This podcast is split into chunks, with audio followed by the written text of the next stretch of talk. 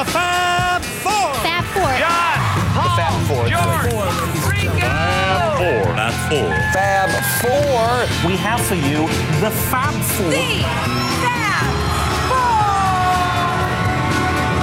Fab Forecast. Our next contestant,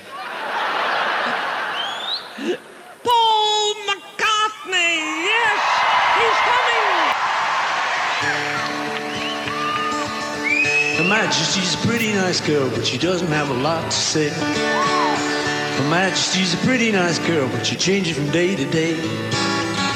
Wanna tell her that I love her a lot, but I gotta get a belly full of wine. Her Majesty's a pretty nice girl. Someday I'm gonna make her mine. Someday I'm gonna make her mine.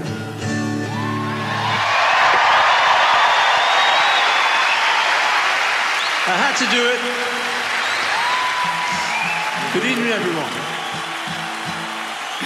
Gonna try one with just these acoustic guitars. Let me get the uh, microphone on.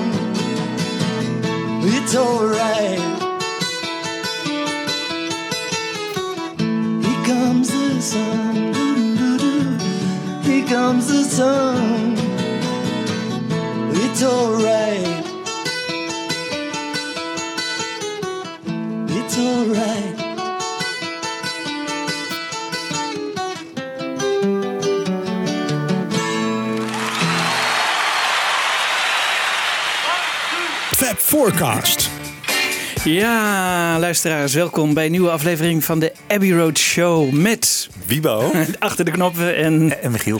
en Michiel, die zitten er allemaal klaar voor. Ja, een nieuwe Abbey Road Show. Eh, jullie hebben de fragmenten nu even gehoord. Herkenden jullie het ogenblikkelijk? Ja, hè? Zeker. Ja, ja, ja. die eerste was eh, bij de, de koningin Elisabeth zoveel jaar eh, aan de macht. Wat was dat? Ja. Zoveel jaren. stevig op de troon. Maar ze zat zelf in het publiek, dat weet ik. Ja. En ze kreeg soms Ja. zo'n besmuikte blikken. ja. Ja. Inderdaad. Ja, het was er toch wel een beetje van moed eh, getuigen dat je zo'n nummer dan... Hè? Ja, vol met eh, enorm geverfd haar, kan ik me nog herinneren in die Ja. tijd. Ja. En eh, Dame Edna introduceerde hem natuurlijk, hè? Ja, ja, ja, ja. leuk Ja. hè? Ja. Leuk hè? Ja, ja, ja. Maar dat hij dat voor de eerste keer natuurlijk voor haar kon zingen, dat was natuurlijk. Ja, Ja, en heel anders qua begeleiding, hè? Gewoon de akkoorden een beetje gedaan. In plaats van dat mooie tokkelen dat je op. Abbey Road hoort. Ja, dat had hij niet geoefend. Dus hij heeft gewoon Nee. een beetje, eh, ja, ja, ampro. Ja, ja. Maar wel heel erg leuk, hè? Dus, eh, want hij heeft het volgens mij zelden tot nooit live gedaan. Nee, hè? volgens mij is het de enige keer geweest. Ja, een enige keer. Ja. En daarna George natuurlijk, hè? Op eh, Bangladesh, denk ik. Ja, Bangladesh. Bangladesh, ja. Hij heeft niet, hij heeft natuurlijk ook niet heel veel. Ja, hij heeft later wel in, in die Amerikaanse tournee. Maar hij heeft het niet heel vaak natuurlijk gespeeld, hè. Ja, dus ehm, daar gaan we het over hebben. Over eh, Her Majesty en over ehm, ehm, Here Comes the Sun. Want waar zijn we aanbeland? We zijn aanbeland op 2 juli 1969. En nu begint de echte Abbey Road LP-opname. Nou, ik heb dat vorige keer ook uitgelegd, maar ehm, eh, nu wordt George Martin erbij gevraagd. En die, ehm, die wil wel, eh, onder bepaalde voorwaarden. Laten we even luisteren naar eh, George Martin. Die werd gebeld door Paul en Paul McCartney zelf. I think what happened was that uh, we decided that we could do another album and we could do it in the good old way with George Martin and make uh, a kind of slick album, which I thought it was kind of time for. At the end of Let It Be, Let It Be was such an un- unhappy record, really, even though there's some great songs on it. I really thought that was the end of the Beatles, and I thought I would never work with them again. I thought, what a shame to go out there like this. So I was quite surprised when Paul rang me up and said, We're going to make another record. Would you like to produce it? And my immediate answer was, Only if you let me produce it the way we used to. And he said, We, we, do, we do want to do that. I said, John included? He said, Yes, honestly. So I said, Well, if you really want to do that, let's do it and let's get- get together again. Ja. Is het zo gegaan? Ja, Kees. Eh, ja, maar het is wel een beetje. Ik denk dat het toch wel op een iets hardere toon is gegaan. Hè? Hij heeft wel wat eisen gesteld. Want George Martin begreep ook. Hij, hadden, had, hem gewoon nodig. Paul McCartney had eigenlijk George Martin nodig. Hè? Want normaal, die, daarvoor hadden ze al die nummers al, hadden ze al veel nummers opgenomen. Eh, zij kunnen natuurlijk zelf produceren. Ik zij zijn natuurlijk daar heel. Maar als je echt orkestwerk erachter wil doen. Dan, eh, en je wil er een medley van maken.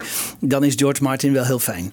En eh, Jeff Emmerich, eh, daar, daar bestaat nog wat, wat meningsverschillen over. Heeft Martin gezegd, Jeff Emmerich eh, moet erbij?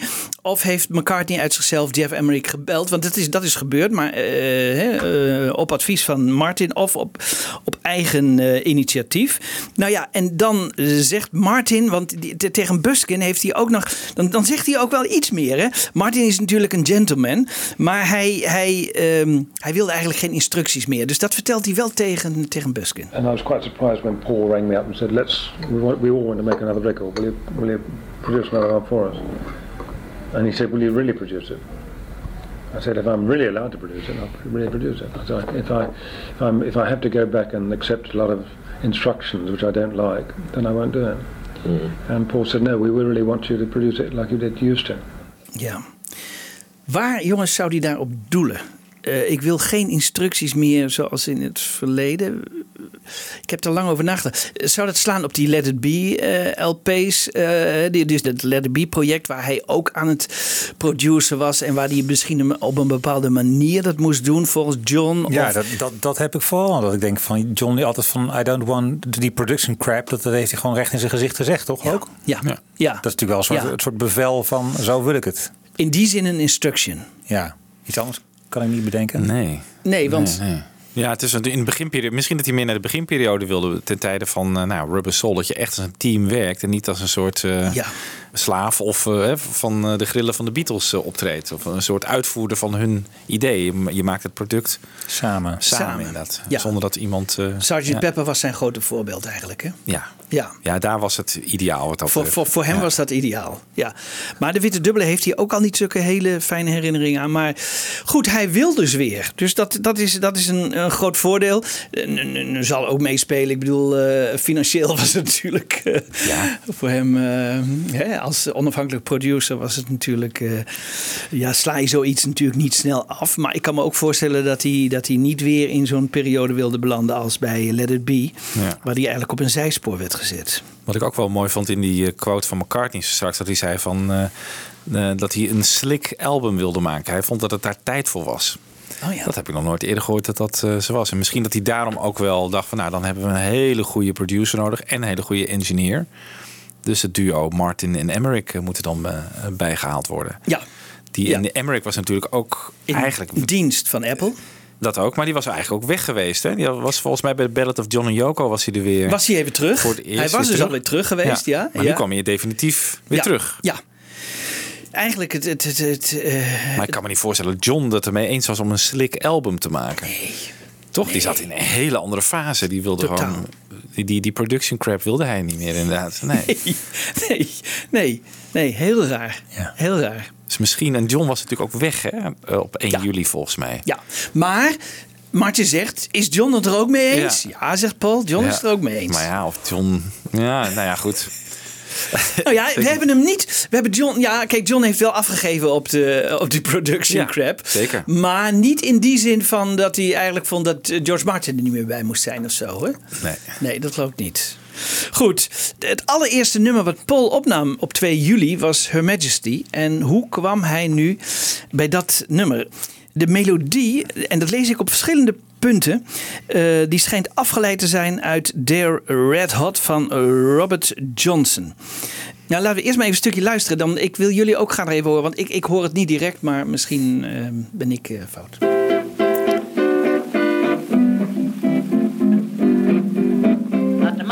Red hot.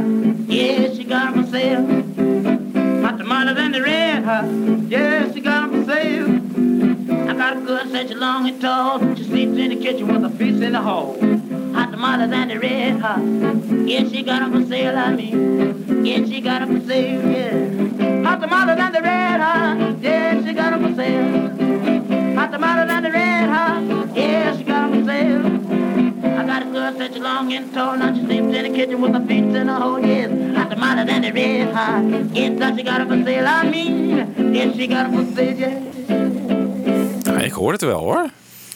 Ja, hè? Ja, Ja, ik, ik hoor het ook wel, maar ik vind het wel... Want volgens mij, waar heb je het vandaan? Het is, McCartney heeft het nooit toegegeven of zo? Nee, nee, nee, nee. eh, nou, dat weet ik niet, maar ik, ik lees het in verschillende eh, sites en zo. En eh, op Amerikaanse sites en zo. Dan wordt het iedere keer weer genoemd. Maar leg even, wat is jouw idee erover? eh? Misschien moet ik er even een heel klein beetje over meezingen. Ja. Is dat een Ja, idee? nee, is goed. Oké, dan gaan we dat doen.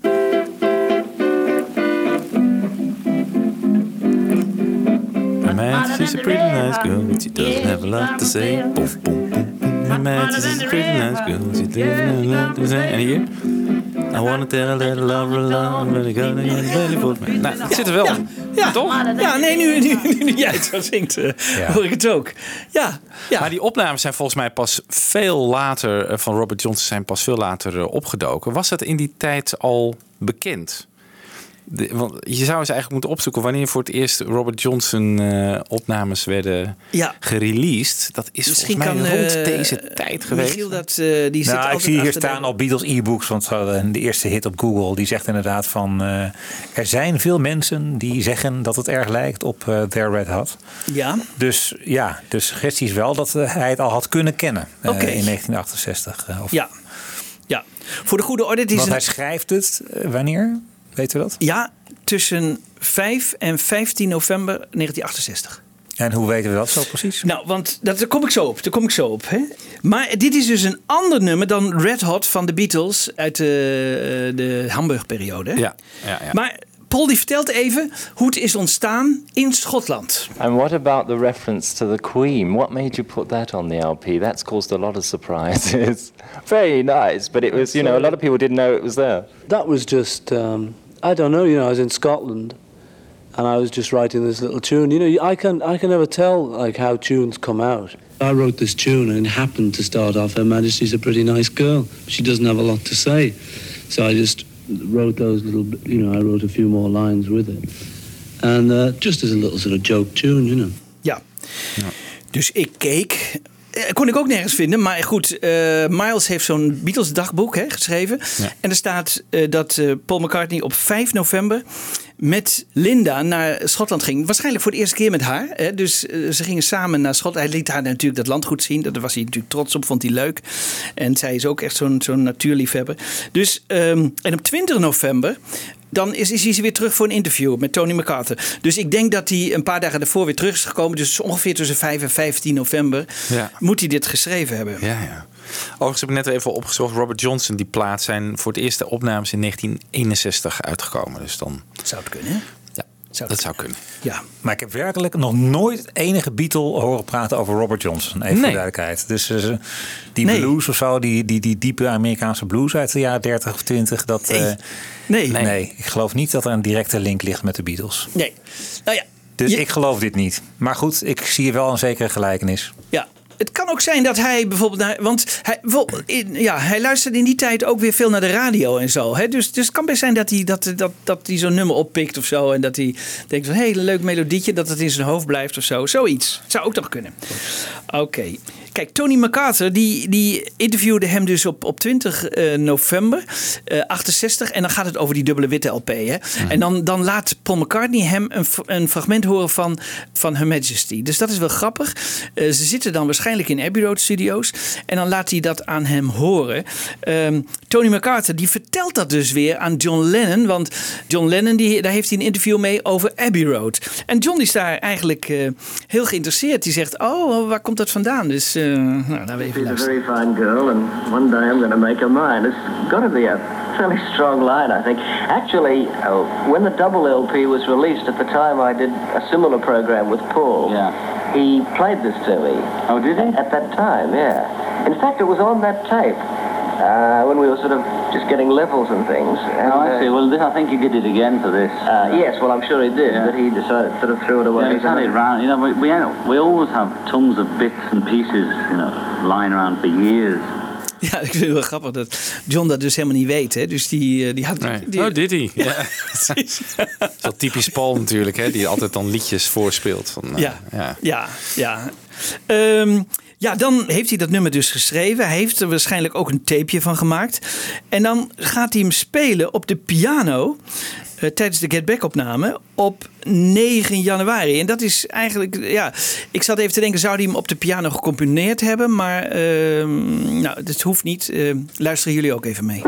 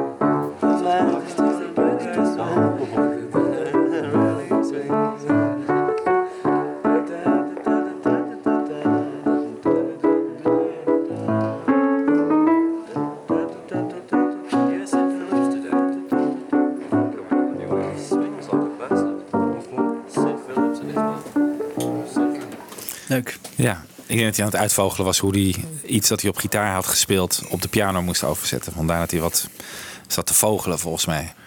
In Schotland toch? Zei Ja, je, is nou ja, dan neem je geen piano mee naar Schotland Nee, maar natuurlijk. zou daar een piano staan misschien? Ja, hm. was het toen nog niet echt zo'n bouwval daar? Ja, dat was het wel hè. Volgens mij hadden ze niet eens eh, elektriciteit daar. Nee, joh. Dat was Maar dat was toch, want hij woonde al, had het al twee jaar geloof ik hè? In Ja, maar 66 dat- had hij dat? ja, 66 of zo, ja. Ja, maar is nou- denkbaar dat al minstens wel een piano staat.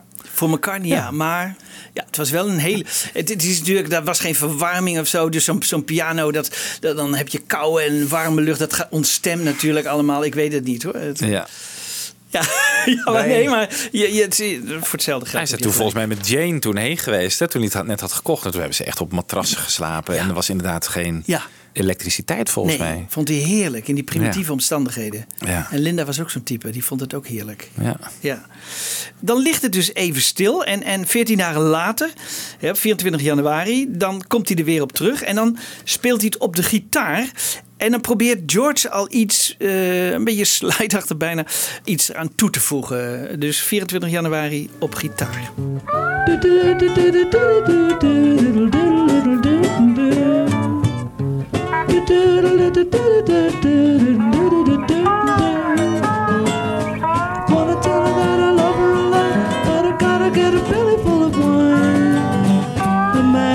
A pretty nice girl, someday I'm gonna make her mine. Yeah, yeah, someday I'm gonna make her mine.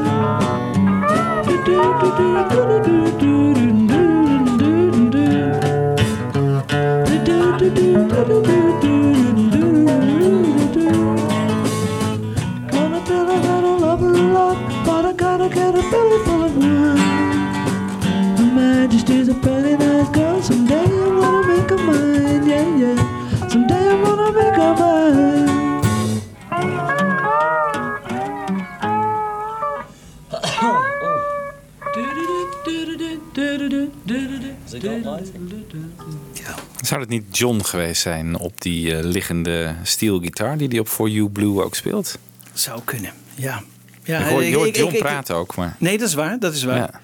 Dat is waar. Maar eh, ja, er stond in, bij de informatie stond eh, George. Maar het, het zou natuurlijk ook John kunnen zijn. Die, je, je zou er gelijk in kunnen hebben hoor. Ja. Over sommige van deze opnamen kan ik nu in stereo laten horen. Dank aan Henk Noé. Ze eh, maken daar nu tegenwoordig allemaal stereo-opnamen van. Hè? Van, die, van die Let It Be-opnamen. Dus dat is wel heel erg leuk. Die komen allemaal dag voor dag allemaal uit. Dus ehm, als ik kan, dan maak ik daar gebruik van. 21 juni 1969 is een grote dag in Engeland. Dan is er een documentaire te zien over het Koninklijk Huis. En daar kijken maar liefst 37 miljoen mensen naar. Dat is echt ongelooflijk. Een documentaire over het Koninklijk Huis. In die tijd konden makkelijk eh, eh, documentaires gemaakt worden. Want er was een nieuwe camera op de markt. Het was een Eclair. En die, die, dat was een camera op de schouder. Dus die kon je gewoon meenemen. Kon je overal alles filmen. Vandaar dat die koninklijke familie makkelijk gefilmd kon worden. De Rolling Stones maakten eh Rock'n'Roll Circus. Ook zo'n film waar af en toe losse opnamen makkelijker gemaakt konden worden. We zien dan iets later in maart eh, John en Yoko in het Hilton. Eh, ook daar eh, werden ze gefilmd met een Eclair-camera. En die, die kon gewoon, dat was echt, dat kunnen we ons nu niet meer voorstellen, maar dat was helemaal nieuw. Die kon je overal naartoe, mee naartoe lopen en, en door de kamers heen lopen en met een geluidsman achter aan. Dus je was ontzettend vrij daarin. Die documentaire heeft Paul McCartney ook bekeken. En ehm, het zou best kunnen zijn dat hij daardoor weer op het idee kwam: hey, ik heb nog zo'n nummer over, over de koningin. Laat ik dat eens gaan voorstellen. Ehm, Paul McCartney even over ehm, die periode. Her Majesty, I thought of it as the Queen, you know, just Yes. because I think of that as Her Majesty. Well, I- it was around about the time the royal family was on telly too. Yes. You know, that, that big film about them. You know, I mean, you could refer, like they refer to a girl as, uh, you know, lady or girl or, you know, like Lady Madonna or just some sort of name, you know, to call a girl. It could be that too, you know, like Her Majesty, you know, worshipping your girlfriend or your wife. Yes, I see. So it's not to, not to be taken too seriously. Not really, you know, you can if you like. Yeah. I don't. I just wrote it as a joke, you know. I wrote it as a joke. Zo ja. wrote it as a joke. Die film, daar kunnen we helaas eh, nauwelijks iets uit laten horen. Dat is heel gek, want eh, de koninklijke familie heeft gezegd... die film mag nooit meer vertoond worden. Want het eh, doorbrak eigenlijk een beetje het sprookje van de koninklijke familie. Hè. Dat moet eigenlijk altijd op afstand. En als je dan zo dichtbij komt met een camera... dan eh, worden het gewone mensen. En dat was eigenlijk niet de bedoeling. Ik heb er een klein stukje eh, waarin er iets uitgelegd wordt eh, over deze documentaire. Then, on the 21st of June, 1969, the BBC broadcast the historic documentary. 37 million viewers were glued to their TVs as they watched the royal family eat meals, share family memories, and watch their own television. It was a ratings smash and a public relations triumph. Public support swung back behind the royals. and the royal family hated it. An order was issued from Windsor Castle. The film must never be shown again. Ja. Terwijl hun populariteit er juist ging eh, stijgen daardoor. Dat is ja, toch raar? Ja. Ja, maar aan de andere kant... Hè, Maar ook dat ze zoveel zeggenschap hebben hè, binnen die BBC... dat ze zomaar kunnen bevelen, dit mag dus nooit meer. Ja. Ja. Ik heb wel eens zitten Tot denken... op de dag van vandaag. Tot op de dag van vandaag. Ja, er is een klein stukje bij haar eh, jubileum, hè, waar we het eh, begin ook van eh, hebben gehoord dat Paul optrad. Toen is er een klein stukje van vertoond, maar eh slechts een heel klein fragment dat ze in een auto rijden. En dat is het enige wat er eigenlijk, wat er eigenlijk van, van is. De rest staat, ligt denk ik in de kluizen. het zal ooit wel een keer ja, verschijnen, het zal toch? natuurlijk ooit Naar wel eens een keer-. Ja, naar de dood. En dan, dan, dan is het lang geleden en dan kan het allemaal misschien wel. Ja. Maar ik heb zitten denken, McCartney die was dus in hè, tussen 5 en dan zeggen 15 november was hij in Schotland. Hij heeft toen kranten gelezen. Hij heeft toen waarschijnlijk ook in de krant gelezen dat er een documentaire op komst was over het Koninklijk Huis. Hè? Want dat werd natuurlijk groot aangekondigd. En ze waren toen met die opname bezig. En toen werd het al aangekondigd dat dat eh, halverwege het jaar zou worden uitgezonden. Dat hij toen ook heeft gedacht: hey, documentaire, documentaire. Misschien is het ook wel leuk dat wij eens een documentaire gaan maken. Hij had natuurlijk gehoord van Rock'n'Roll Circus. Dezelfde regisseur als eh, Let It Be. Dus dat hij toen ook op een idee is gekomen. Want volgens mij is het idee van de Let It Be film afkomstig van Paul McCartney. Ja. En dat hij op die manier ook eh, op het idee is gekomen. hey, wij kunnen ook wel eens iets met, de- met een documentaire Oh, ja. doen. Dat zou goed Eh, dat het, ik bedoel, ja, het zou kunnen. Grappig ook eh, wat jij zei, Wibo, aan het begin. McCartney speelde het eigenlijk niet op zijn eigen manier. Want zijn eigen manier was eigenlijk een soort eigen fingerpicking-achtige manier. Hè? Niet zoals John eh, het van Donovan had geleerd, maar eigenlijk op een eigen manier. Ja. Ik weet daar te weinig van eh, eh, hoe dat is, maar eh, weet jij daar iets van? Is dat een, eh, is dat een eigen, zijn- eigen, eigen Er zijn versies van fingerpicking, ja. Ja, hè? dat heeft hij dus ook wel eh, eh, een beetje opgelet in India, denk ik. Maar op een gegeven moment dacht hij van ja, dit, dit pff, weet je, net zoals met piano leren spelen van eh, bladmuziek, dat had hij het geduld niet voor. Nee. En toen heeft hij eigenlijk een beetje zijn eigen fingerpicking style eh, ontwikkeld. En dat is, ja, ik probeer het ook wel. Het is eigenlijk de hele tijd met een wijsvingertje zo een beetje strummen. En dan poem, tikkie, tikkie, tikkie, poem, tikkie. Zo'n soort techniek is het. Mij heeft Jorik het ook wel eens uitgelegd, toch? Ja, Dat die het- eh, in, in, in Blackbird zit het ook. eh, ja, ja. in Blackbird zit het inderdaad. Ja, ja. Mother Nature's Son zit het ook. Ja. Jorik heeft het volgens mij inderdaad op die White Albumavond eh uitgelegd, volgens mij. Oké. Ja. Laten we even luisteren naar hoe McCartney het dan eh, uiteindelijk eh, doet hè? In, in, in Studio 2 in, eh, in Abbey Road. Eh, en alleen even de gitaar.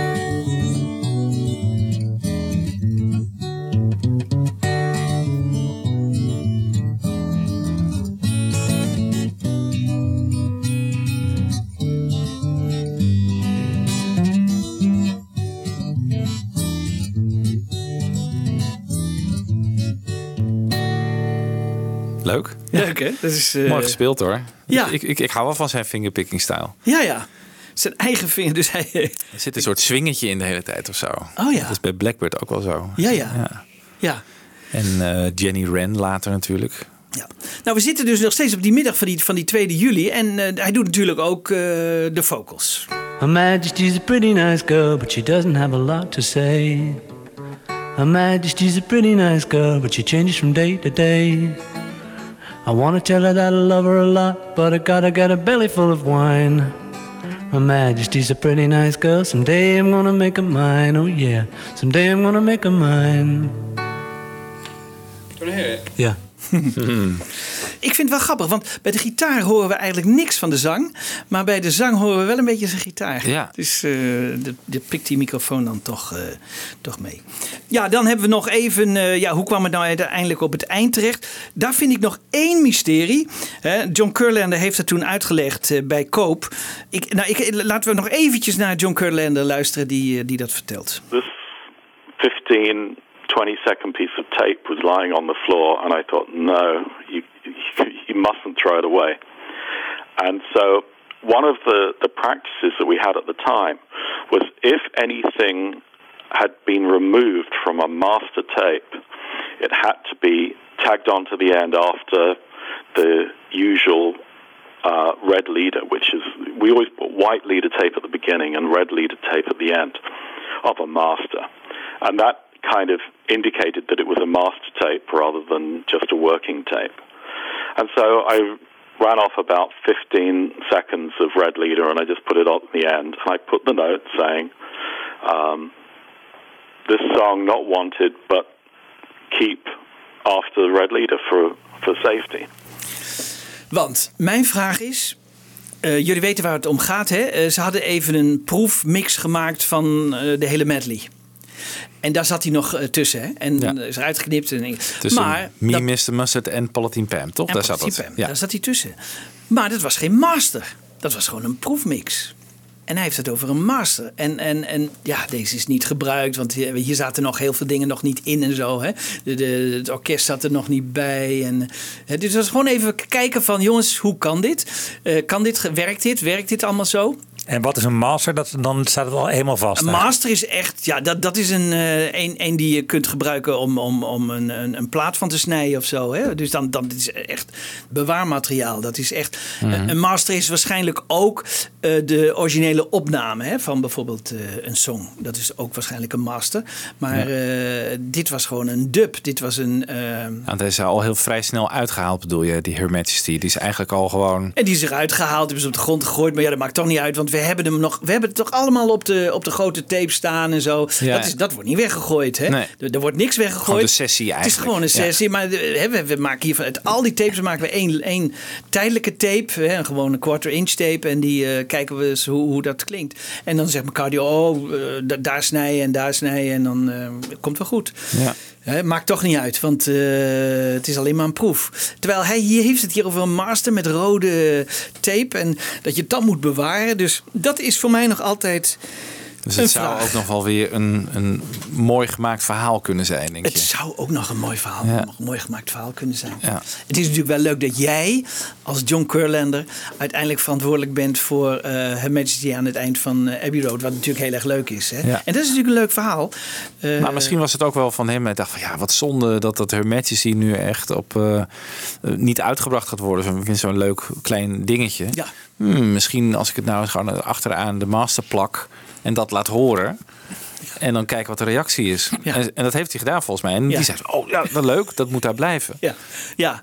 Maar hier doet hij het voorkomen alsof het hè, eh, Ja. usance was dat je niet niks weggooit of Nee, zo. nee, ik ben het wel met je eens. Het is wel een beetje... Een beetje een raar. Nou, Ja. eh, mochten er nou luisteren, want ik vind het altijd leuk hè, als mensen die naar ons programma luisteren reacties geven. Eh, in de volgende aflevering kom ik ook weer terug op een paar reacties die we hebben gehad. Eh, eh, onder andere van You Never Give Me Your Money.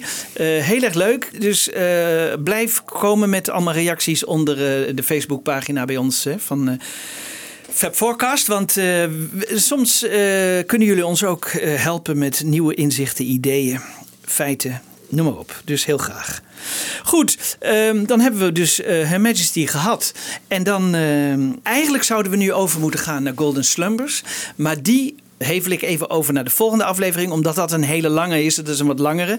En dan zou dit een hele lange aflevering worden. En eh, de volgende wat korter. eh, want die, we gaan nu Here Comes the Sun doen. En die is iets korter dan. eh, de Golden Slumbers. Dus de Golden Slumbers volgende keer. Maar in chronologie zou die nu moeten komen. Maar die komt de volgende keer. We gaan dus over naar Here Comes the Sun. Hoe hoog staat die bij jullie in de Abbey Road? eh? Dit is natuurlijk wel echt top notch. Hè? Dit is fantastisch. Ja. ja. Zo'n positief nummer, zo mooi opgenomen, zo mooi geluid. Alles, is, alles klopt in het nummer. Ja. Ja, het is inderdaad heel positief. Het is bijna toch enigszins atypisch George. Ja. Want hoe vaak deed hij dit nou? Zo'n zonnig nummer. Ja. Ja, dat was, eh, Ja, dat is vaak in de klaagstand. Hè? Al Ja. Don't bother me. ja. Ja, dat is waar. Voor hem was liedjes schrijven een beetje zijn, zijn irritatie en zijn ergernis of zo. ja. Ja. Ventileren. Ja. Later Nee, deed dat ook met Blow Away. Hè? Dat is ook zo'n zorgeloos Ja. liedje eigenlijk. Ja. Ja. Ook atypisch George. Ja.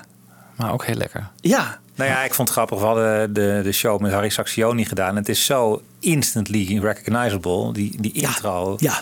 En het blijft iets, iets sprankelends hebben, Ja. wat, je, wat je eindeloos kan horen. Ja.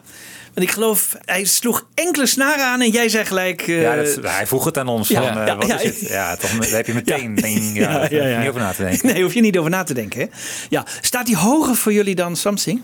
Oeh, jeetje. Dat vind ik ook een hele moeilijke vraag. Heel moeilijk. Ja. Heel moeilijk. Nou, ik... Misschien nee, dat je in Something nog meer iets de, de perfectie van de solo of de perfectie van de baspartij, dat, dat soort elementen zitten iets meer in Something. Ja. En de warmte Ja. van zijn stem of zo, dat soort. eh, het is gewoon een heel ander nummer. Ja. Je kan op andere manier eh, bevrediging uithalen. Ja. En jij dan, Jan Kees? Nou, ik, nu ik erin ben gedoken, vind ik Something wel iets. eh, en daar ben ik het met Michiel eens, die is wat completer. Daar is. Ik denk ook omdat McCarthy zich ermee vermoeit. Nee, echt, want dat denk ik echt. Ik wil, daardoor werd het echt. En George Martin was op zijn top met die score. Die was ook geweldig. Hè? Die kun je eh, standalone alleen laten horen. Die is echt heel goed. Eh, ja, Something is echt een klassieker. Dat is echt een. Ja, Ja. Dit is gewoon een mooie, vrolijk lied en een prachtige melodie. Maar hierin is hij ook wel wat eh, af en toe een beetje de fout in gegaan. Niet helemaal. Ik ben niet echt heel enthousiast over de, over de synthesizer. Maar, maar uiteindelijk moet ik zeggen, eh, als je hem live hoort spelen bij. eh, Concert voor Bangladesh, prachtig. Echt schitterend. Ja. hij heeft hem ook met Paul Simon uitgevoerd. Ook heel mooi. Dus eh, nee, dat, dat, dat wel. Maar, ik, eigenlijk blijft- vind ik minstens in eenvoud mooier dan eh, de geproduceerde versie voor Abbey Oh, Road. oké. Ja. Voor mij kan voor de, de Abbey Road versie is voor mij de de versie. Oké, nou Ja. dan gaan we Ja. jou even plezieren met er dieper op in te gaan op eh, deze hele. Ja, want misschien weten de meeste Beatle-fans het wel. Het is gecomponeerd in de tuin van Eric Clapton in Surrey. It was one of those beautiful spring mornings. I think it was April, and we were just walking around the garden with our guitars. And uh, that was the thing. I don't do that, you know. I'd only ever do this. Was what George brought to the situation. He was just a magical guy, and he would show up with his guitar, get out of the guitar, get out of the car with the guitar, and come in and you'd start playing. And we walked around the garden. We sat down at the bottom of the garden, looking out over the and the sun was shining and, and it was a beautiful morning and he started to sing he started to sing here comes the sun and, it, and the opening lines you know and uh, and i just watched this thing come to life Ah, hij spreekt ook wel die liefde van Clapton voor Ja, George uit. Hè? Heel zeker. mooi, heel mooi. Mooi. toch? Heel mooi, heel mooi. Het is niet helemaal waar wat hij zegt. eh, maar daar kom ik zo op terug. Het was niet direct dat hij met Here Comes the Sun kwam, maar met een ander eh, gedeelte uit de song. Maar nou ja, even eh, George dan, eh, over de, hoe, hoe hij er op die dag terugkijkt. It was just really nice sunny day, and I picked up the guitar, which was the first time I'd played the guitar for a couple of weeks because I'd been so busy.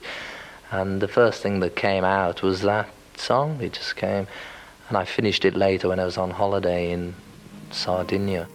Ja. Hij heeft hem later afgemaakt. Ehm, ik geloof dat het Clapton was die zegt dat niet eh Here Comes the Sun als eerste ontstond, maar het gedeelte. Little darling, it's been a long, cold, lonely winter. Little darling, it feels like years since it's been here. Dit waren de eerste zinnen die, die, hij, ehm, die hij maakte eigenlijk. Ook leuk hè. Ehm, ik moet er even bij zeggen. Alles wat we hier horen van eh Here Comes the Sun is 2% langzamer dan, op de origine dan, dan we het uiteindelijk hebben gehoord. Dus de hele productieproces heeft, eh, is allemaal op, op 2% langzamer eh, opgenomen. En dat komt omdat George Martin op het laatst het hele nummer 2% heeft versneld. 51 cycles.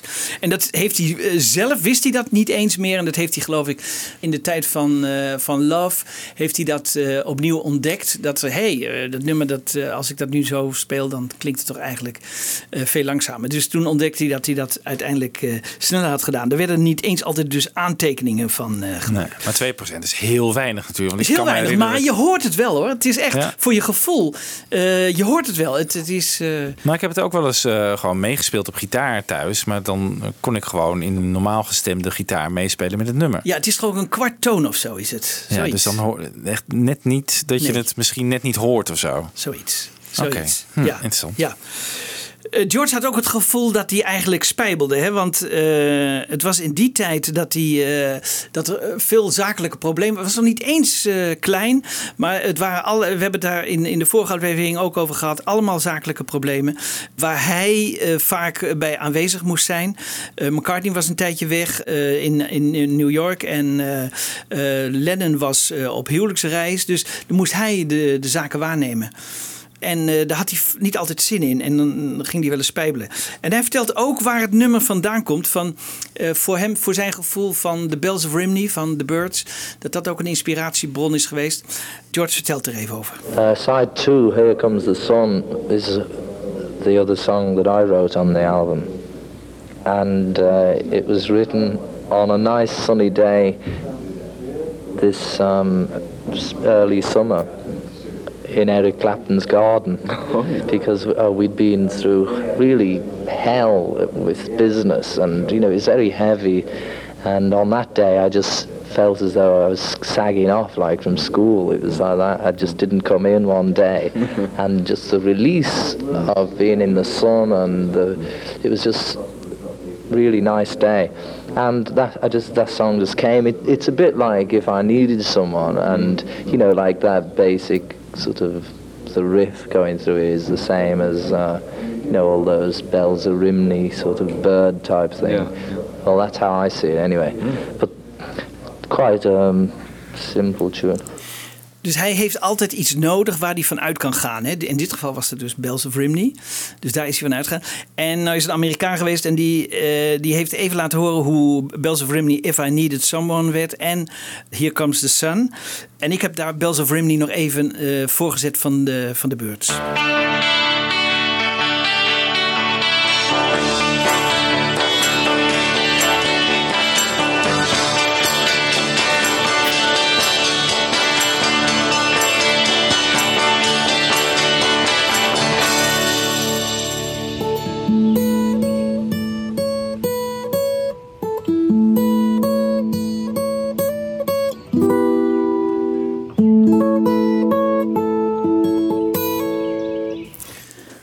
Dus, Ja. zo, zo komt hij dan op een idee. Dus dat is, vond ik wel aardig om even te horen. Ehm, hij pikt ook nog iets van de plaat Batch, die hij samen met Clapton opneemt. George had, had die tekst geloof ik uitgeschreven en had daar op een gegeven moment Bridge neergezet. En ik geloof dat Clapton dat las als Batch en dacht dat het nummer zo heette. Maar als je Batch hoort en je hoort direct daarna Here Comes the Sun, dan zie je ook heel duidelijk eh, die overeenkomst.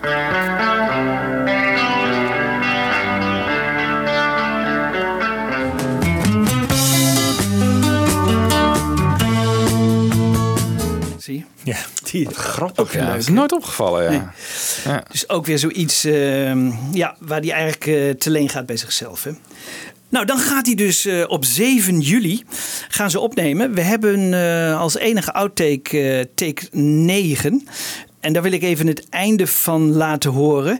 Ze gaan dus in de studio. Eh, John is er niet bij aanwezig. Volgens mij is hij dan nog, eh, heeft het ongeluk gehad, ligt nog in het ziekenhuis. Of komt net eh, richting Abbey Road toe.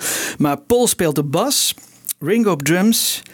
En eh, George natuurlijk op gitaar. En hij doet dan een guide vocal. En ik vind het altijd leuk als je een guide vocal hoort van George.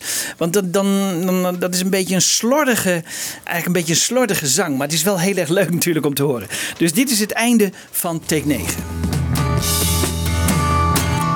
Little darling, I feel that ice is slowly melting.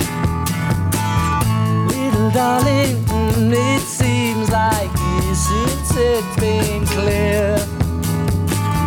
Here comes the sun, doo doo doo. Here comes the sun, and I say it's alright.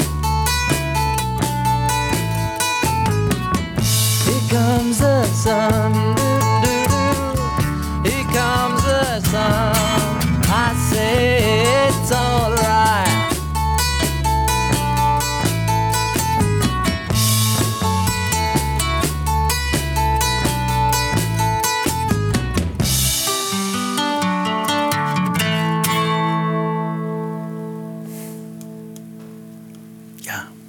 Is er al, hè? Ja, helemaal. Zeker. Ringo's eh, drumroffeltjes nog niet. Dikke schroevendraffeltjes nog Nee. niet. Nee, dat is leuk. Ja. Eerst dacht George Martin, dit is hem, hè? take 9. Maar eh, nee, ze wil nog even doorgaan. Dus eh, take 13 werd het uiteindelijk. Maar Beatles waren dus ook bijgelovig en wilden dat liever niet take 13 genoemd worden. Eh, dat het moest tw- 12,5 genoemd worden. Voor het bijgeloof, ja. Het is eigenlijk, dat wist ik ook niet, dat ze daar toch wel zoveel bijgeloof hadden. Ehm, je hoort in het begin even wat studiogeluiden, die ik ook bij elkaar heb gezocht, want die zijn er ook. En dan het begin van take 13 in eh, studio 2.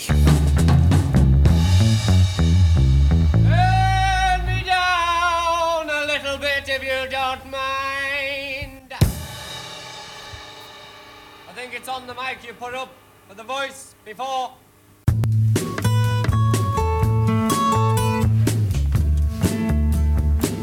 Okay.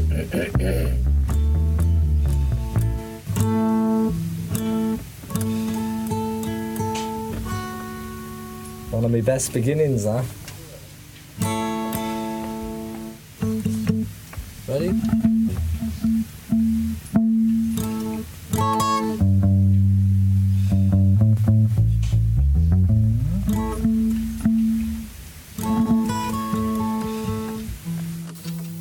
Two, three, four.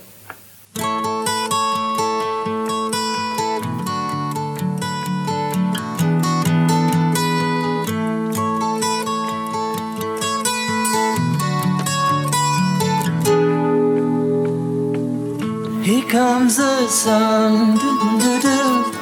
Here comes the sun, and I say it's alright. Ja, dan gaat het eigenlijk door zoals we het eh, kennen. En dan komt eh, Paul met de bas. En eigenlijk heel bijzonder, want het is eigenlijk een one-taker van, eh, van Paul. Die doet er niet over. En voor de rest is Paul ook heel weinig betrokken bij, bij dit nummer. Ik denk omdat hij heel druk was met zijn eigen nummers op dat moment.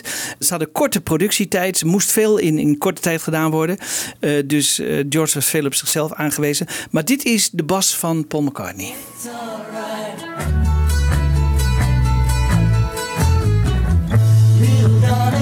Darling,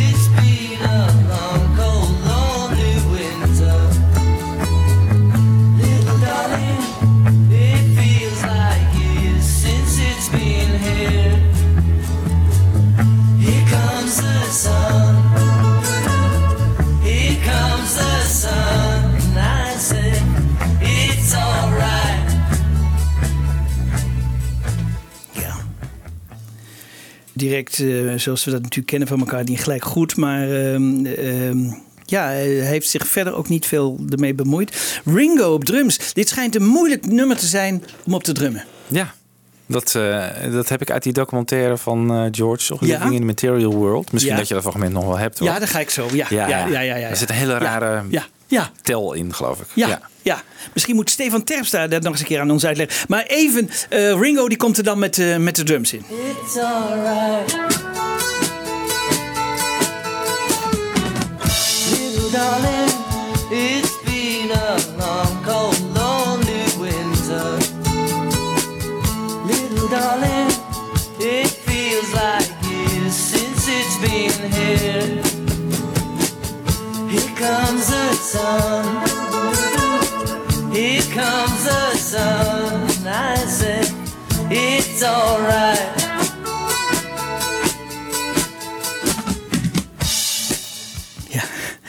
Dat, ritme, dat- dat schijnt gecompliceerd te zijn. hè? Babberam-bam. Ja, ja, dat, is, dat is grappig. Dat jij, want dat doet Ringo ook zo na. Eh, ik, ik heb hier eh, wat verschillende mensen. George Martin onder andere. Een, een professor eh, in, de, in de muzikologie in, in Amerika. Verschillende mensen. En Ringo Starr die zich allemaal uitlaten over dat bijzondere ritme van, ehm, van Here Comes the Sun. Here Comes the Sun was an interesting song because um, it has complicated rhythms in it.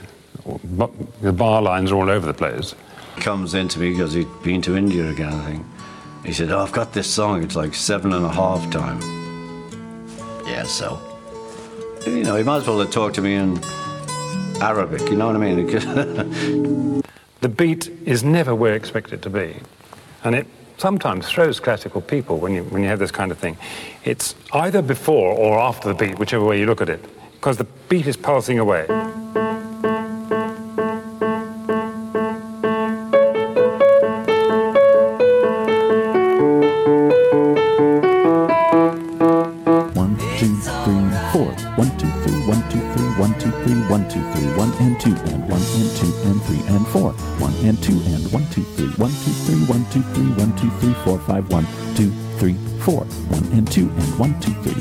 Two, three, one, two, three, one, two, three, four, five, one and two, and three, and four. Here comes the sun. I say it's alright.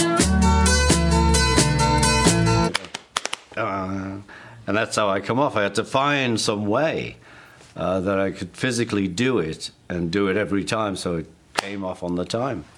That's one of those Indian tricks. I had no way of going, you know, one, two, three, four, five, six, seven. One. It's not my brain. So as long as I go, diddle- okay, that's seven. Good, got it. That's not my brain. Ja. Dus zelfs voor Ringo moeilijk. eh.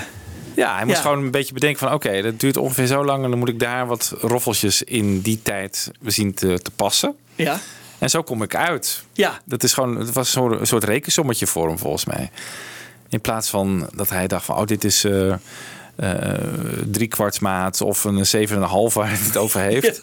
Ja. zo, ja, zo denk ik zelf ook niet. Dus gewoon, het moet passen in... eh, dat je maar weer op de eerste tel uitkomt. En dan moet je maar kijken hoe je daar, eh, hoe je daar komt. Dat heeft hij heel eh, ja, puur op gevoel gedaan. En dat past natuurlijk perfect. Ja. Ja. Maar als luisteraar heb je daar dus helemaal geen last van. Nee. Nee, dat is juist de truc. Daarom, Ja. daarom Het klinkt heel het natuurlijk. wel, ja, Ja. wat je doet. Ja. Vind ik heel erg leuk Ja. eigenlijk. eh, dat maar je hebt ook niet door dat het moeilijk is of Nee, zo. dat nee, is, heb je nee. ook niet door. Nee. Nee. Nee. Nee, als je het eenmaal uitgevonden hebt, dan is het volgens mij ook niet moeilijk. Als je dit nummer gewoon Oh ja. nu zou drum, drummen. Maar ja, Ja. kom er maar eens op. Ja. Hè, toch? Ja, dat is waar. Dat zijn zijn roffels, Ja. zijn eh, arrangement. Ja. knap. Ja, Ja. is heel knap. Nou, daarna moeten ze ook de handclaps doen. Het klap in de handen. En dat gaat vaak mis. Hierbij zou John Lennon aanwezig zijn geweest. Want John zegt, ik heb maar twee nummers gemist. Hè, Her Majesty en Maxwell. Ehm, dat zou dus betekenen dat hij hierbij eh, aanwezig is. Maar niemand eh, heeft, heeft John volgens mij gezien. Dit is, hier is hij niet aanwezig geweest. Wie wel aanwezig was, was Glyn Johns. Maar die verpest het hele handklappen. Dus dat, dat ging helemaal mis. Laten we even een st- een stukje luisteren naar dat handklappen. Want dat heb ik ook be- zo goed als eh, los eh, staan.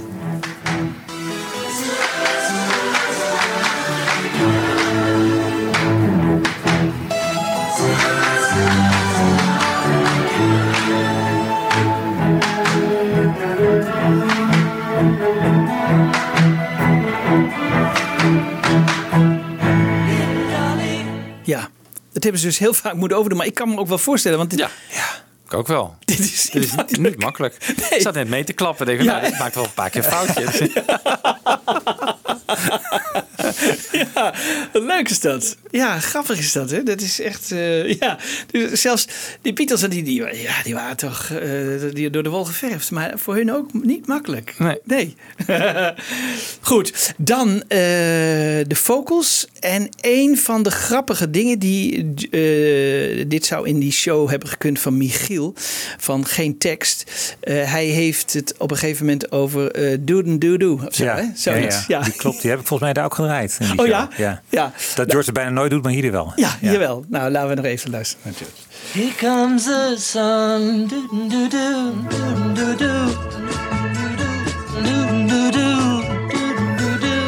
Ja, dit zijn ze allemaal. ja. ja. maar origineel, origineel was het dus doobie doobie doo. Hè? Ja. Eh, Scooby-Dooby-Doo, Dooby-Dooby-Doo. Maar iemand heeft tegen hem gezegd, dat kan niet. Dat kun je niet doen, dat kun je niet maken. En waarom niet? Omdat eigenlijk eh, de bekendste zanger van dat moment van de wereld eh, eh, het zijn, zijn handelsmerk was. Two strangers in the night. Obi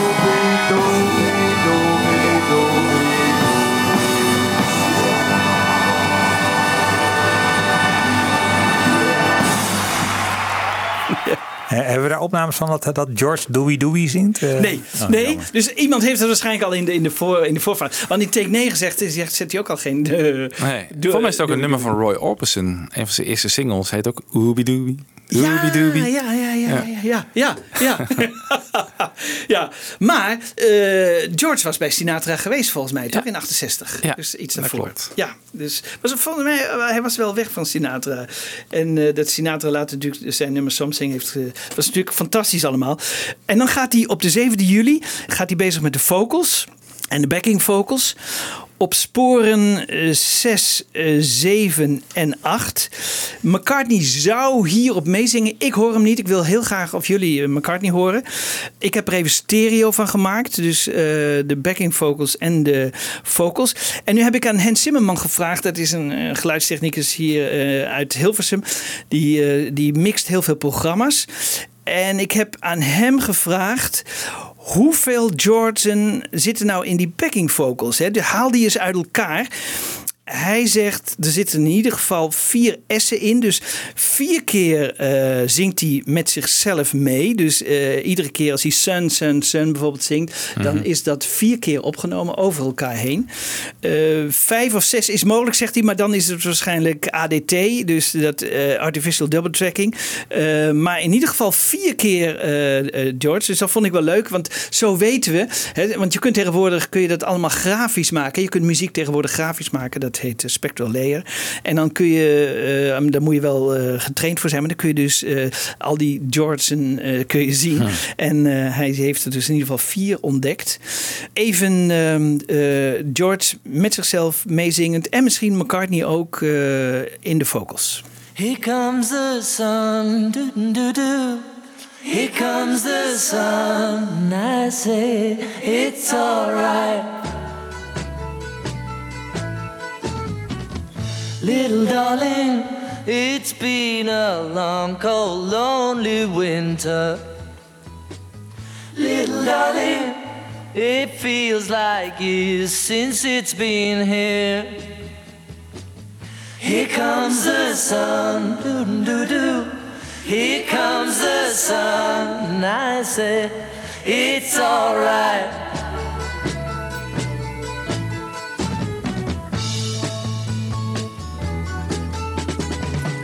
Little darling, the smiles returning to the faces. Little darling, it seems like years since it's been here. Here comes the sun. Here comes the sun. I say it's alright.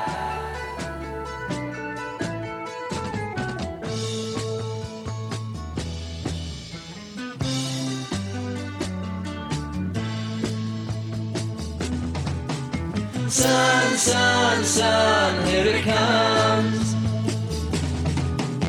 Sun, sun, sun, here it comes. Sun, sun, sun, here it comes. Sun, sun, sun,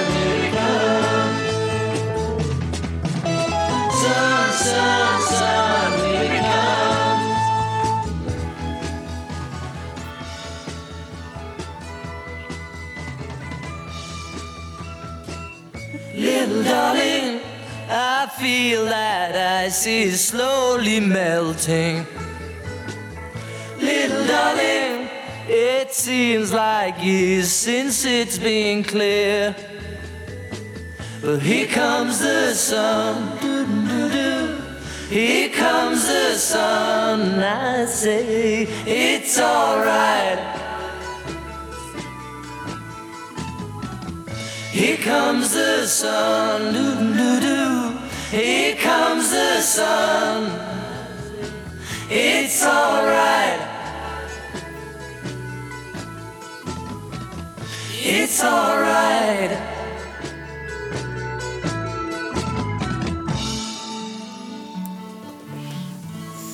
Ja. Eigenlijk jammer hè, dat, zo, dat het allemaal mono is geworden. Hè. Dus het is allemaal op één hoop gegooid. Ja. En dan wordt het één mono. En dan verdwijnt er eigenlijk een beetje. Dit, is, dit geeft iets ruimtelijks. Iets, eh, ik vond het wel leuk. Ik bedoel, hè, dat, dat, dat hij zo met zichzelf meezingt. En, eh, Ja. Is het zo gemixed down ook eh, in Abbey Road? Of hebben ze alle losse sporen nog, denk je? Ze hebben, want anders had ik het ook niet kunnen hebben natuurlijk. Nee, precies. Nou, ik dacht Maar- misschien door dat programmaatje van Hens dat, dat je Nee, dat nee, allemaal nee, aan elkaar nee, nee, hebt. nee, nee, dat niet. Eh, maar dit is wel eentje. Dit is eh, van een. Ze, ze hebben een mix-down gemaakt, inderdaad. Dat, dat is de laatste. Maar dan gaan ze één stap terug. Hè? En dan kunnen ze dus wel die, al die losse. Hè? Want dan- zitten de vocals zitten op verschillende sporen. En die worden later weer gemixt naar één spoor. En dan kunnen ze weer meer sporen gebruiken. Hè? Dus, Ja. dus eh, het is wel zo dat ze dan weer teruggaan naar een eerdere tape.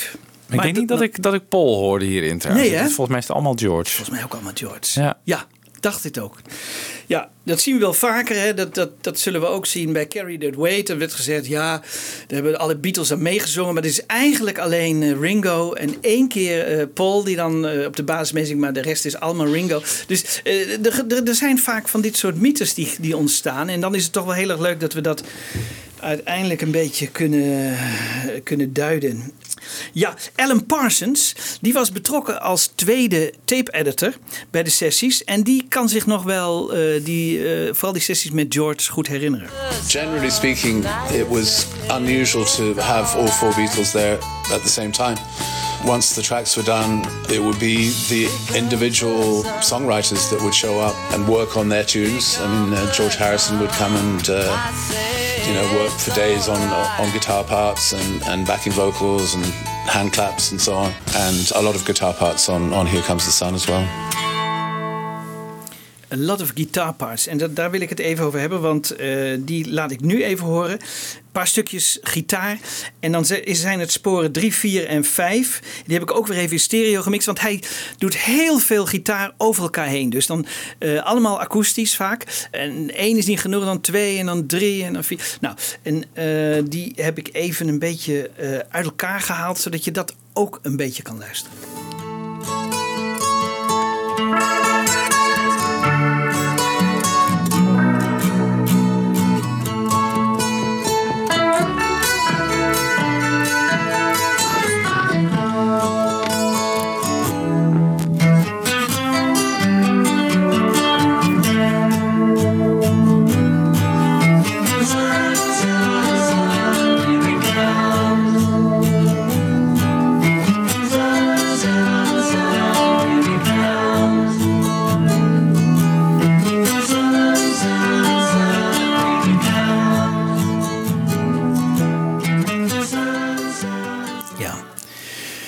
Dus hier hoor je hoe die met die gitaar in de weer is. En dan is ook interessant, eh, in veel, eh, ik lees natuurlijk al die, die sites en zo en, en mensen die overal reageren op dit soort nummers.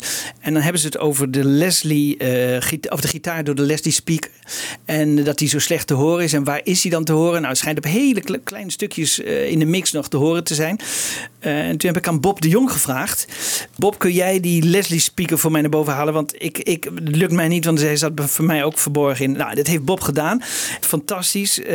Nu hoor je hem echt een beetje, eh, veel beter. Eh, wat heeft eh, George voor een gedeelte dan met die Leslie speaker eh, en, die, en die gitaar gedaan? Die elektrische gitaar hè, is dit. Little darling, I feel that ice is slowly melting.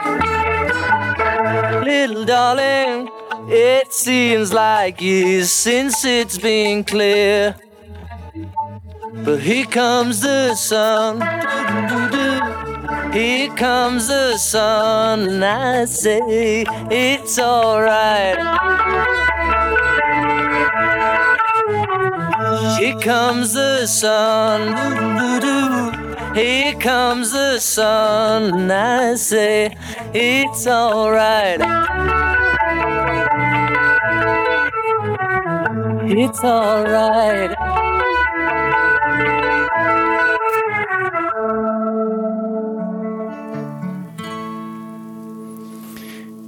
Ja, hier horen we dus de, de Ja, Leslie ik speaker. hoorde hem wel in het origineel trouwens, maar ik dacht altijd dat het een soort orgel was. Oh ja, ja. Ja. Het is een beetje zweverig geluid. Het is een, Ja. een, of een, een luidspreker die eh, in de ronde gaat. En eh, eh, daardoor krijg je dat zweverige geluid. Ja. Ja, hij is een beetje in de mix ook naar de achtergrond. Maar hij is te Hij horen. is maar je moet weten waar, je hem, Ja. waar die dan is. En dan, dan lijkt het inderdaad ook een beetje op zo'n orgel. Ehm, McCartney is er niet bij, eh, dus eh, eh, hij moet zijn eigen gitaarsolo verzinnen. Tenminste, dat wil hij.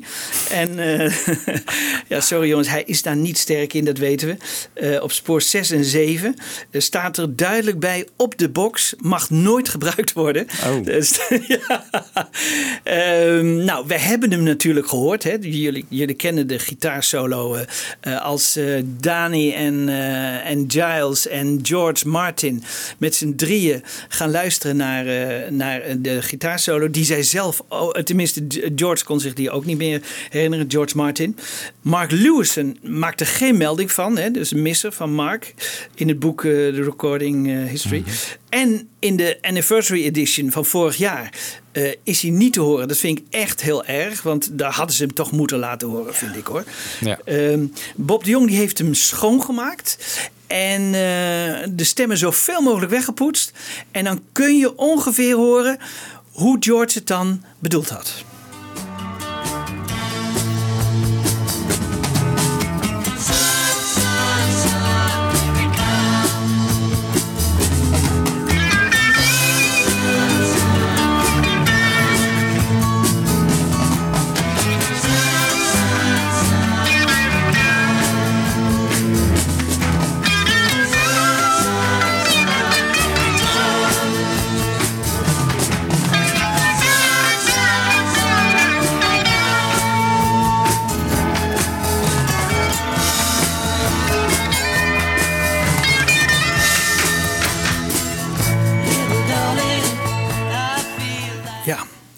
Zou ze niet gewoon tot de conclusie zijn gekomen van dit voegt werkelijk niets toe? Omdat die, die ritmetrek die eronder zit is al zo sterk. Dat is gewoon ook al zo'n vol en rijk geluid. Het heeft helemaal geen solo nodig eigenlijk, dit nummer. Nee, helemaal niet. Nee, heeft het ook Dat niet. is gewoon de conclusie die ze hebben. ge- Nou ja, en, en, maar het was ook geen sterke... Nee, het is Nee. ook geen sterk uitgevoerde Nee, solo nee, het is natuurlijk. geen nee. sterk uitgevoerde solo. Lijkt wel een beetje een uitprobeersel of zo. Ik denk Ja. dat George, wat ze zeiden ook, hij zit constant met allemaal gitarenpartijen te spelen. Ja. Maar het is ook een heel akoestisch nummer. Het Ja. vind Ja. totaal niet op Ja, in het is gewoon een element geweest. En dit, werkte niet. Nee. Dit werkte Nee. niet. Dit werkte niet. Nee. En dan wordt het meteen weer gebeld. Ja, er is een onuitgebrachte solo in het nummer. Nee, het is gewoon een probeerseltje van Ja. eh, in één keer. Want dat hoor je ook. Als hij het, de sound wel was bevallen, dan had hij dit gewoon meer uitgewerkt. Want dit was gewoon even kijken hoe dit, deze sound klinkt. En dan priegel ik even wat. Maar Ja. dat was meteen al van nee, Nee, doen we niet. doen we niet. Doen we niet. Nee. Jongens, dan komen we denk ik, denk ik aan een klein drama. Oh, ja, wat dan? ik voer de spanning op. Oké, eerst maar even George Martin over Here Comes the Sun. The first time that he really knocked my socks off was with Here Comes the Sun. I thought that was absolutely great. Ja, goed. Dat betekent dus, hè, wat, wat, wat George Martin hier zegt, hè, dat is wel interessant. George Martin was bij de eerste opname van Something. De tweede heeft hij laten schieten, want dan moest hij naar Cilla Black. Maar toen heeft hij dus niet herkend hè, dat, eh, dat Something een geweldig nummer was. Dat heeft hij niet herkend. Pas hierbij, hè, bij dit nummer, herkent hij... oké, dit is toch wel, hij is toch wel, wel geweldig. Hè. Dat, is, dat moet George pijn hebben gedaan. Dat kan niet anders. Dus dit, dit is al een... Hier, hier ontstaat natuurlijk al de eerste spanningen. Want Chris Thomas, misschien kunnen jullie nog herinneren... Chris Thomas toen hij eh, bij Piggy's eh, naar Studio 1 ging met George Harrison... en George die spinet even Something speelde... toen dacht Chris Thomas, wauw, dit is een geweldig nummer. Dit moeten we gaan opnemen. Die herkende al direct hè, dat, dat, dat nummer. Dus ehm, dan schrijft George Martin een score hè, voor dit nummer. In overleg met George voor orkest. Eh, maar dat orkest is niet het belangrijkste. Maar wat het belangrijkste is, zijn de houtblazers. Dat zijn twee klarinetten, twee altfluiten, twee blokfluiten en twee piccolo's. Dat is de, de basis van het nummer. En daar heeft hij eh, geen groot orkest achter gezet. Maar slechts eh, zoiets van acht violisten, geloof ik. En, en, en een contrabas of zo, zoiets. Maar ehm, dat is niet het belangrijkste. Maar die blazers, dat, dat, die houtblazers, dat is het belangrijkste. Dat is de kern van het. Die heeft hij waarschijnlijk laten horen aan George Harrison.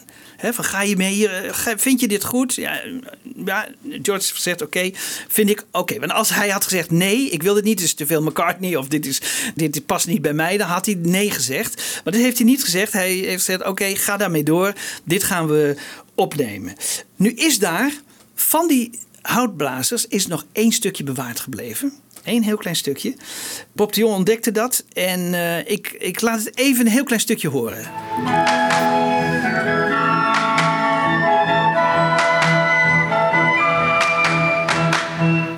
Dat is het enige wat er van bewaard gebleven is. Maar je kunt je een beetje een voorstelling maken. Hè? Dus dit was het idee. En dan eh, in die melodielijn die we later zullen horen van de synthesizer, had George dat opgebouwd. Het orkest daarentegen is helemaal bewaard gebleven. Hè?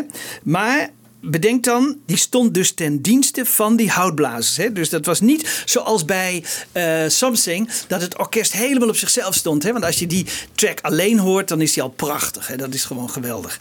Maar heel sober, uitgedund. Vier violisten, vier cellisten en een contrabassist. Laten we even een klein stukje daarna luisteren.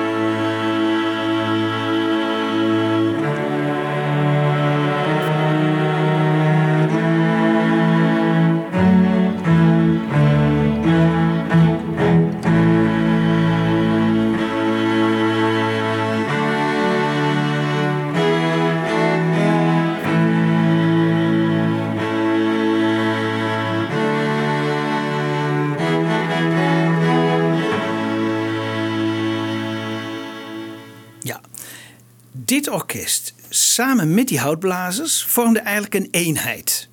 En ik heb die eenheid een beetje gereconstrueerd met dat ene kleine stukje wat we, wat we hadden.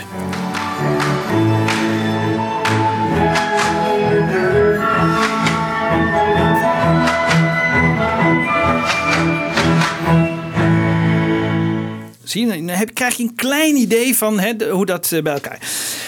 Dus dit, alles had Martin voorgespeeld aan, eh, aan George Harrison. Dat moet George op het idee gebracht hebben. Goh, die melodie van die houtblazers.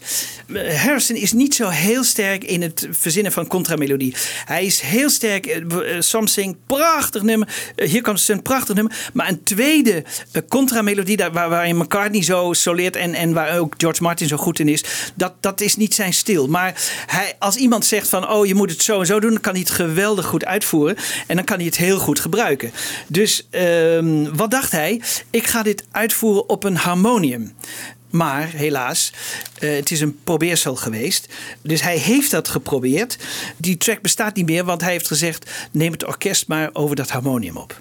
Nou, eh, dat, hebben dat hebben ze gedaan. Maar Bob de Jong heeft even een reconstructie gemaakt van als we ervan uitgaan dat de melodielijn zo is eh, zoals de synthesizer later zal, worden, dan heeft het ongeveer zo geklonken. Hè? Dus Ron, Ron Beta A, dit is een reconstructie.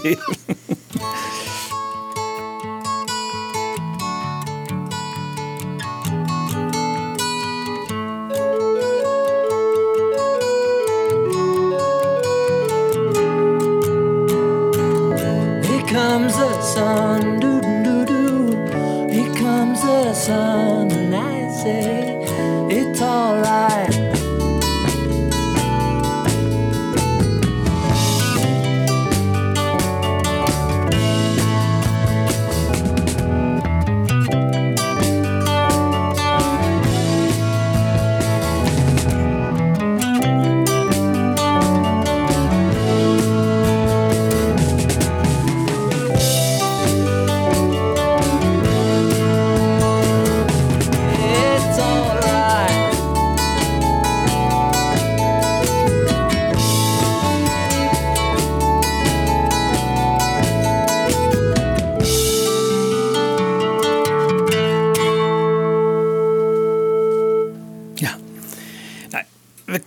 een beetje een idee. Hè? En, en wij horen ook, dit zou geen succes geworden zijn. Hè? Ik eh, het kan nog misschien een iets andere melodielijn zijn geweest. Maar de, de instrumentkeuze zou voor dit in, zou niet echt top zijn geweest. Dus dat George die heeft laten wissen is, eh, is, is prima natuurlijk. Hè? Maar wat doet hij nadat George Martin op die eh, beroemde 15 augustus eh, alle orkestpartijen en de houtblazen alles heeft opgenomen. Ook voor de hele Abbey Road. Een hele lange sessie. We komen daar nog later op terug. Maar eh, dan heeft hij dat opgenomen. En dan wat gaat George Harrison doen? Hij wist de hele houtblazer sectie. En was dat nodig? Eh, als ik kijk naar eh, hoe, hoe het was opgebouwd, was dat beslist niet nodig. Hij had het makkelijk op track 8 kunnen doen. De backing vocals en handclaps. Had hij nog voldoende over gehad, had hij nog een keer heen en weer kunnen bouncen. Dat- Dat was niet het punt. Maar wat doet hij? Hij, hij gaat de Moog synthesizer opnemen. En die neemt hij op over die houtblazers heen. Dat moet natuurlijk George Martin enorm veel pijn hebben gedaan. Want dat kan niet anders. Die heeft daar een hele score voor geschreven. Ja, of zelfhoudblazer. Een zelfhoudblazer, ja. Ja, ja, ja. En die, die, die score wordt dus verminkt. Want de, de basis wordt weggehaald. En het was niet nodig. Maar Bob de Jong zei tegen mij... waarschijnlijk heeft George gedacht van... hey, Paul heeft al op de Moog opgenomen voor Maxwell. John heeft al opgenomen op de Moog voor eh, Because. En ik, die daarmee is gekomen met deze Moog synthesizer... eh, heb nog geen enkel nummer. eh, nou, fijn, oké. Dus die dacht, ik moet daar nu ook mee aan de slag. Wel voorspelbaar, maar neem dat dan op een, op een spoor op waar het niet echt kwaad kan. En dat doet hij niet. Hij, hij wist eh, op één klein stukje na, wat ik jullie toen straks heb laten horen, wist hij die hele track met, met eh, die houtblazers. En eh, nog George Martin, nog George Harrison hebben zich hier ooit over uitgelaten. Maar reconstruerend kan ik wel zeggen dat George daar niet blij mee was. Nou, wat kwam er nou voor in de plaats? Laat ik even een stukje Moog synthesizer horen die George daarvoor, die over die houtblazers heen monteerde.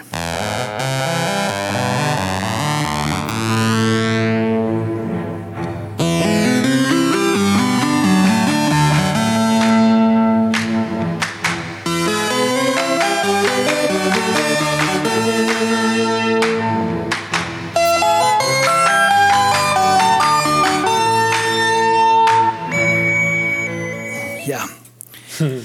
Ja, zo, zo los klinkt het wel een beetje futuristisch of zo. Maar ja. ik vind het in het nummer wel mooi hoor. Ja. In die, in die opbouw van die hele bridge naar, naar een soort climax. Jij Maar denk niet, je dat het-? Wat? Jij niet zo.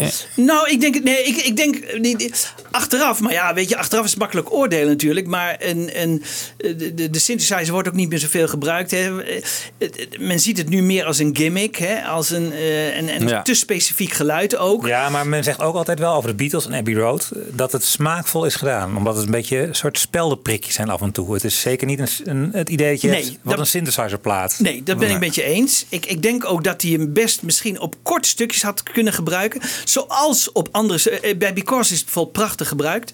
Eh Maxwell Silver Hammer vond ik het ook niet eh, storend. Hier mm, vind ik het niet... Ja, ik, ik denk als ik deze, deze melodie in de houtblazers had gehoord... had ik waarschijnlijk gekozen voor de houtblazers. Maar dat is... ja. Maar is- jij zegt dan, dat is de keus van George geweest om die te wissen. Maar is dat dan niet gewoon de keus van een Jeff Emmerich of zo, die daar achter de knoppen zit? Dat hij denkt, Nee. oh, dat spoor is hier nog vrij. Nee, nee, nee, want eh, echt George besliste welk spoor gewist mocht worden. Hij heeft gezegd, oh, doe dat harmonium maar weg en zet daar het orkest maar overheen. Hè, dus dat moet hij beslissen, want daar is geen... Nee, want stel dat Jeff dat zou beslissen en George zegt, hé, hey, waar is dat harmonium? En dan, nou, dan zou die Jeff Oeps, natuurlijk eh, gelijk eh, ontslaan. Ik bedoel, nee, dus dat, was, dat zijn echt de beslissingen van, van, van George Harrison geweest. Zelfs niet George Martin, want die was toen op andere punten bezig. Dus de- de- deze opname heeft hij ook gemaakt zonder George Martin. Dus ja, het enige, eh, het is bijna een pesterij dat hij dat ene kleine stukje nog heeft overgelaten. Ja. Want dat zit in die hele synthesizer, eh, op dat synthesizer spoor vinden we dus nog één heel klein stukje houtblazers. Maar George heeft voor mijn idee toch een beetje eh, wraak genomen. En dat heeft hij gedaan in 1998. Toen heeft hij een eigen LP opgenomen, een eigen CD. Hè, dat heette In My Life. En daar speelt John Williams dit nummer eh, op de gitaar. Ik heb even John Williams weggelaten, maar even. En, eh, George Martin heeft daar weer een, opnieuw een score voor gemaakt. Met onder andere houtblazers. Nou ja, hier hoor je een beetje eh, waarschijnlijk in welke richting George Martin destijds gedacht moet hebben bij de originele opname van, eh, van Here Comes the Sun.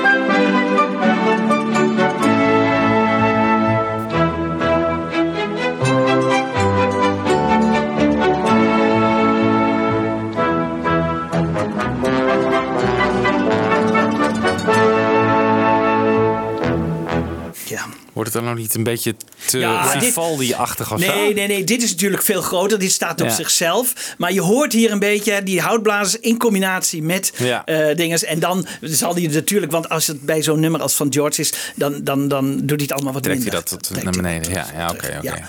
Maar het is maar voor, je denkt dus, want jij zei het is een drama. ik denk dat het, dat, dat het, dat, dat het nooit meer goed gekomen is tussen George en eh, tussen dit, George Door Martin dit. en George Harrison. Niet alleen door dit, maar dit heeft wel een rol gespeeld. Denk ik hoor. Hmm. Denk ik. Denk ik echt.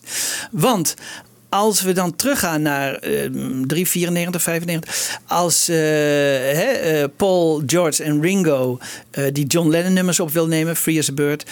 Dan zegt George Harrison onder geen beding George Martin. Nee. Onder geen beding. Maar dat was natuurlijk ook omdat George, en, eh, George Martin en Paul eh, twee handen op één buik waren natuurlijk. Dat dan te veel Paul maar er zat ook nog altijd volgens mij.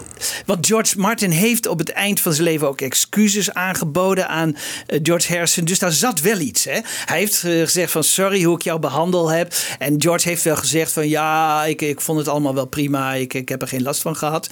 Maar toch, ik denk dat George Harrison altijd George Martin ook, wat jij ook zegt, als een verlengstuk van, van Paul McCartney heeft gezien. En, en toch te weinig aan zijn eh, product heeft gedacht. En, en dat dat nooit helemaal is weggegaan. George Martin daarentegen heeft weer een. eh, ja, vlak voordat George Harrison doodging, hè, heeft hij toen gezegd van eh, ja, eh, eh, George is terminaal en wordt niet meer beter en gaat dood. Wat ik helemaal geen opmerking vind voor George Martin, want het was echt een gentleman en die lette op alle woorden. En dat hoor je ook in al die interviews van hem. Hè, hoor je hoe George Martin op zijn woorden let. En hij zal zelden tot nooit een verkeerde uitspraak doen. Maar hier ging hij toch echt. Dat heb ik ook nooit begrepen waarom hij die uitspraak heeft gedaan op dat moment. Dus eh, eh, tussen die twee heeft het nooit meer eigenlijk tot het eind van hun beide levens eh, geboterd. En we kunnen het ze helaas beide niet meer navragen. Maar ehm, ik denk wel dat dit een punt is geweest waar bij beide eh, ja, de nodige vraagtekens zijn gezet. En eh, waar. Ja. Ik kan me niet voorstellen dat George Martin. Oh, wist die eh houtblaas maar en zet er maar een, een synthesizer overheen. Kan ik me niet voorstellen. Kan ik me niet voorstellen. Ja. Dan zou hij eerder nog gezegd hebben: maak dan even een tussendub. Dan, dan kunnen we altijd later nog kiezen bij de mixage. Wat het beste is. En, maar, Maar jij weet ook dat die weg zijn dan, die, eh, die sporen. Ja, dat ja. staat in het boek. Dat staat in het boek. En, en, en nou ja, we kunnen het ook helemaal reconstrueren. Hè? Het, het, de strings zijn over de, op track 5 zijn, zijn de, de, de violen eh, zijn over het harmonium opgenomen op track 5. En de, op track 4 is de Moog synthesizer over de houtblazers heen genomen. Heen. Dus het, het is, het is er niet meer. Het is er niet Nee. meer. Nee, nee. En het was niet nodig geweest. Het was niet nodig geweest. Goed jongens, Eh, ja, we eindigen dus toch een beetje... eh, nou, jij. in, eh, Ik vind het eindproduct zeer geslaagd. Ja. Ondanks eh, de woodwinds die er niet zijn. Maar Ja, Ja. ja. Ja, nee, nee, nee, dat is ook zo. Maar Ik heb is- ook nooit zoveel mee, eerlijk gezegd, met van die woodwinds. Zo'n hele partij, zo'n hele... Ja. Mozart heeft ook van Ja, die maar je kunt het. Ja. Oké, maar. Michiel, Ja. je kunt ook zoiets mixen. Hè? Je kunt het heel erg Ja. op de achtergrond. En het Ja, kan- nee, nee, nee, het, Zeker. het hoeft niet. eh, het had niet weggehoeven in ieder het geval. had denk ik Nee. niet, eh, niet weggehoeven. Nee, nee. Nou, Mama's Little Girl, daar zit ze ook in, hè? Dat vind jij niet mooi. Dat vind ik, daar vind ik het nou wel weer mooi. hoe weet je dat ik dat niet mooi vind? Dat heeft mij al verteld. Oh, oké. Dat hou ik dan weer. Nee, dat vind ik tududu. Dat klopt inderdaad. like. Ja. Ja, daar zit dus ook in. nee. Ja, ik wil afsluiten eigenlijk met een eh, bijzondere opname van eh Here Comes the Sun. En dat is van 20 november 1976. Saturday Night Live. Paul Simon samen met George Harrison eh, spelen samen Here Comes the Sun. Toch een prachtige combinatie, gelegenheidsduo. Maar wel heel, heel mooi. Tot de volgende keer.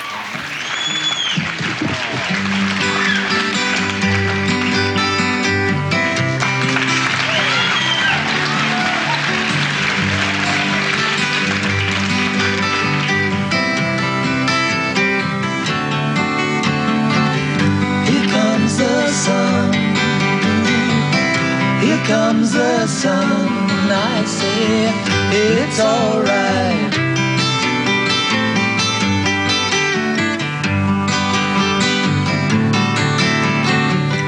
Little darling, it's been a long, cold, lonely winter. Little darling, it seems like years since it's been here. Here comes the sun, comes the sun. I say, well, it's alright.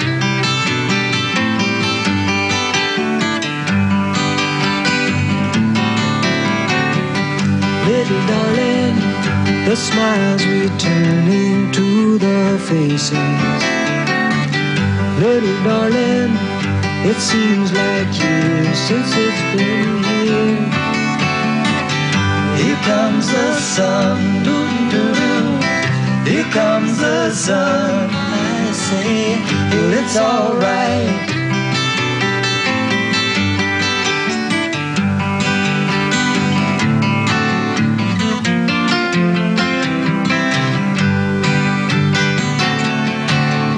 Sun, sun, sun, here it comes. Sun, sun, sun,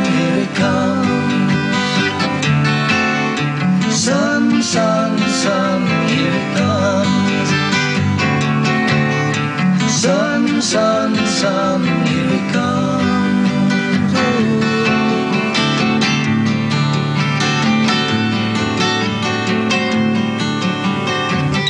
Little darling, I feel the ice is slowly melting.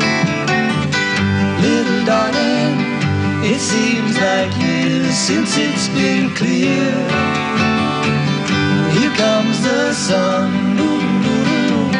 Here comes the sun. I say, it's alright.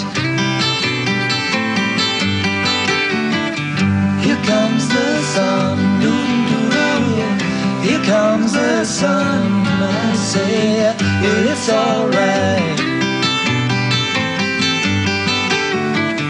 It's alright.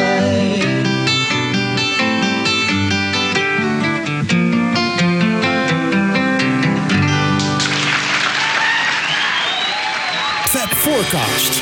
Luister ook naar Fab Forecast via beatlesfanclub.nl.